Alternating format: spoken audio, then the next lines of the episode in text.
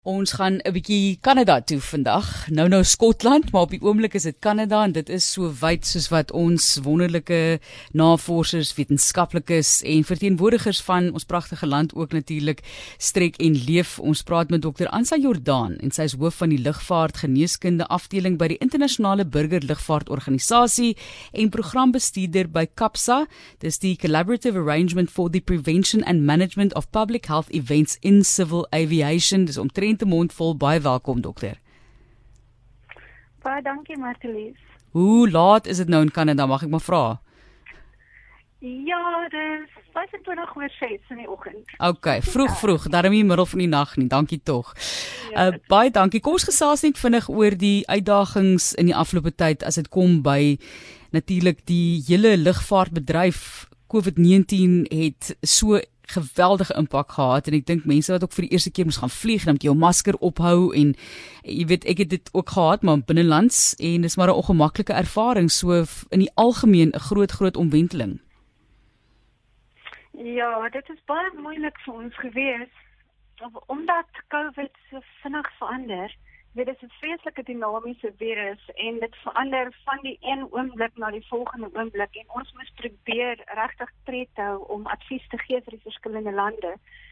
So wat wat ons doen is ons werk baie nou saam met die Wêreldgesondheidsorganisasie en met IATA en die lugvaartowerhede en ons probeer om die lande voor te berei om te voorkom om die virus te versprei En en dis waar die probleem inkom want ons gee riglyne vir die lughawens, vir die vlieëniers, vir die cabin crew, vir die standaarde aan boord, maar dit jy jy moet die navorsing doen om te bepaal wat jy moet voorskryf en teen die tyd dat daai navorsing gedoen is en bevestig is dan het die virus intussen al weer verander en dan moet jy weer nuwe navorsing doen en jy moet 'n nuwe riglyne gee. So dit is regtig die probleem wat ons gehad het met COVID. En dan 'n ander probleem is ons kan standaarde gee, maar daar is dit gaan nie net oor die mediese standaarde nie. Daar's baie ander faktore wat 'n rol speel, soos 'n land se se ekonomiese omstandighede, die die die sterkte van die gesondheidstelsel, so uh, politieke oorwegings. Dit is baie moeilik. Ons het probeer om 'n organisation te kry van al die verskillende standaarde wat in plek is, maar maar dit is onmoontlik. Dit elke land besluit dis van hy sy toets gaan doen en dis 'n soort toets wat hy gaan doen.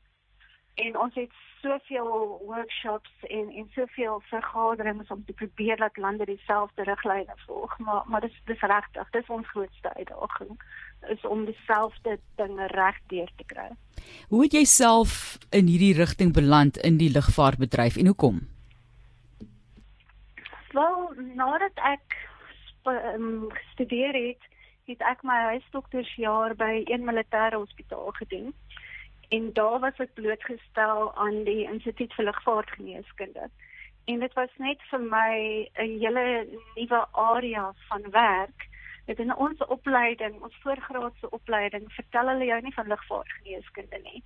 Ek het dit geleer toe ek 'n rotasie gedoen het by die Instituut vir Lugvaartgeneeskunde en dit was net vir my 'n ongelooflike ervaring. Jy weet, ehm um, dis dis 'n is 'n nuwe vakrigting, is 'n spesialisgebied soos wat jy chirurgie kry of interne geneeskunde kry, lugvaartgeneeskunde. En dit gaan oor die standaarde vir vleeniers, dit gaan oor die die fisiologiese veranderinge as jy 10000 voet bo kan die aarde is. Ons het baie werk gedoen op die vervoer van van pasiënte met met ligambulance. So dit is net dit was net vir my heeltemal nuut en en verskriklik interessant. En van daar af het dit net verder en verder gegaan en en ek het meer betrokke geraak by lugvaart. En ek dink 'n venier wat vlieg wil nooit gegrond wees nie. En ek dink as mens selfs 'n dokter, as jy eers be bekend is of eers verstaan van lugvaartgeneeskunde, is dit moeilik om daar uit te kom. So. Jy het ja, nee, ek ek sit net en kyk jou CV en al die dinge wat jy al bereik het, dit is indrukwekkend en die president van die Royal Aeronautic Society, Howard Nye, het toe vir jou die presidents toekenning gegee en jy is natuurlik hoof van lugvaart medisyne daardie afdeling daarso en vir wat jy alles bereik het. So ek weet nou moet jy 'n bietjie spog oor jouself, maar vertel vir ons hoekom jy dink jy die toekenning ontvang het en wat jy presies gedoen het as bydraend tot die hantering van COVID-19 in die lugvaartbedryf. Ja, ehm um, so jy het voorheen Capska genoem en dis 'n organisasie, dis een van die programme wat ons het in die lugvaart owerheid ehm um, in in ICAO. En wat ons doen is ons werk saam, soos ek vroeër gesê het, in die wêreldgesondheid en en IATA, maar ook met al die lande wat behoort aan ICAO. So ons het 193 lande wat deel is van ICAO en ons het maar 'n um, werksgroepe gehad en ons het vergaderings gehad twee keer 'n week 7 uur die oggend vir nou vir 2 jaar aan mekaar. En daar het ons al die spesialiste bymekaar gebring. So ons het wêreldgesondheid ons het die Amerikaanse CDC um, Center for Disease Control dieselfde met Europa ons het die lugvaart ehm um, die die lughawens se se leiers, die lande se leiers, die um, verskillende lugrederye se leiers bymekaar gebring. En ons het net gesit en kyk, hoe gaan ons probeer voorkom dat ons verder infeksie kry deur lugvervoer? So dit is 'n klomp vergaderings, ons het 'n klomp ehm um, standaarde saamgestel. Die die uh, internasionale ICAO se se council het ehm um, uh, jammer as ek in Engels praat. Jy doen jy doen baie goed vir iemand wat nie hier is nie, hoor ek moet sê.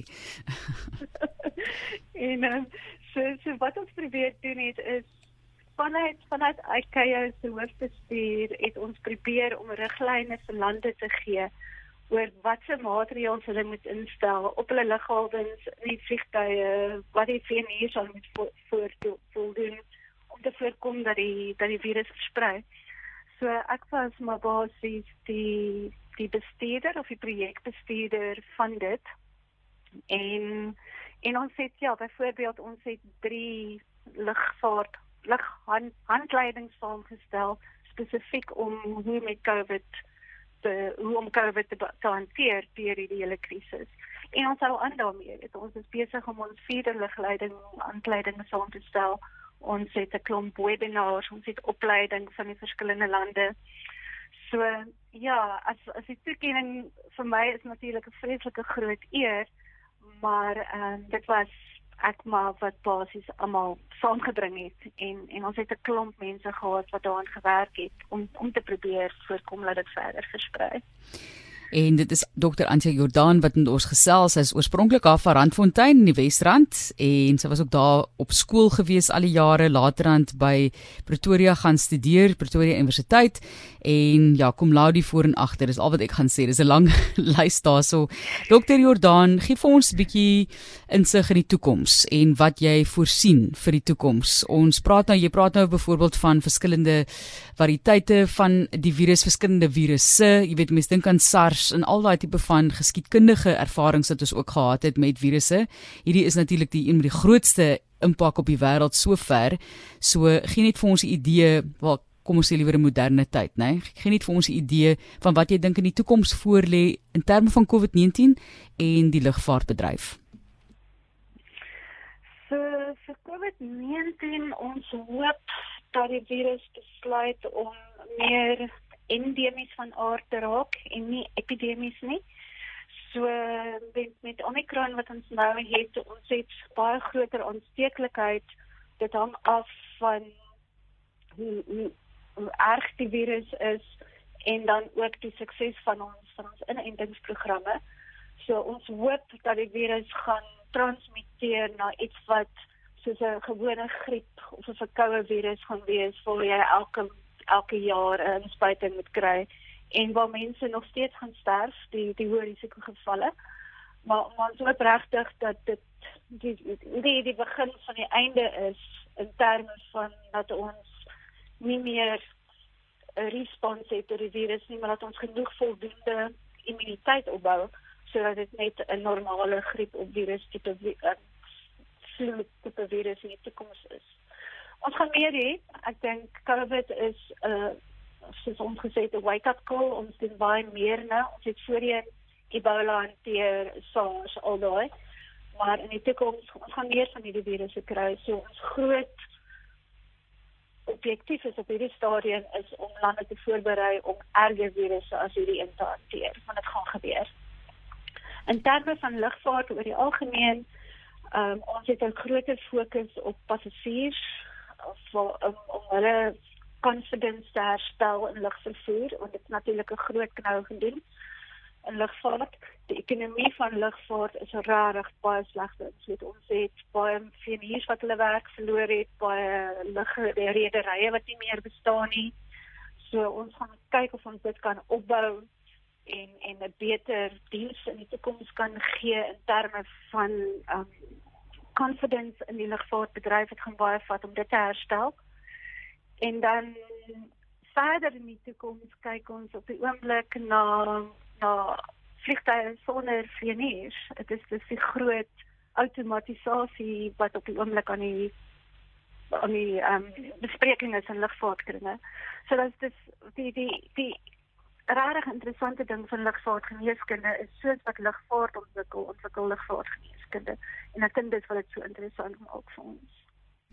Baie baie dankie dokter vir die feit dat jy so vroeg vroeg aan die gang is. Ek is seker jy staan in 'n geval die tyd van die dag op daar in Kanada. Ons waardeer dit indien wel dit vir jou vroeg is. Um, baie sterkte met die werk wat julle doen. Ons waardeer dit. Dit is komplekse sake wat julle mee te doen het en soos jy sê vir alle lande om dieselfde op te tree en op daai manier diplomaties ook te moet of daardie diplomatisiese aksies te moet in werking stel is nie 'n grap nie. Ons sê vir jou baie baie dankie vir die gesels.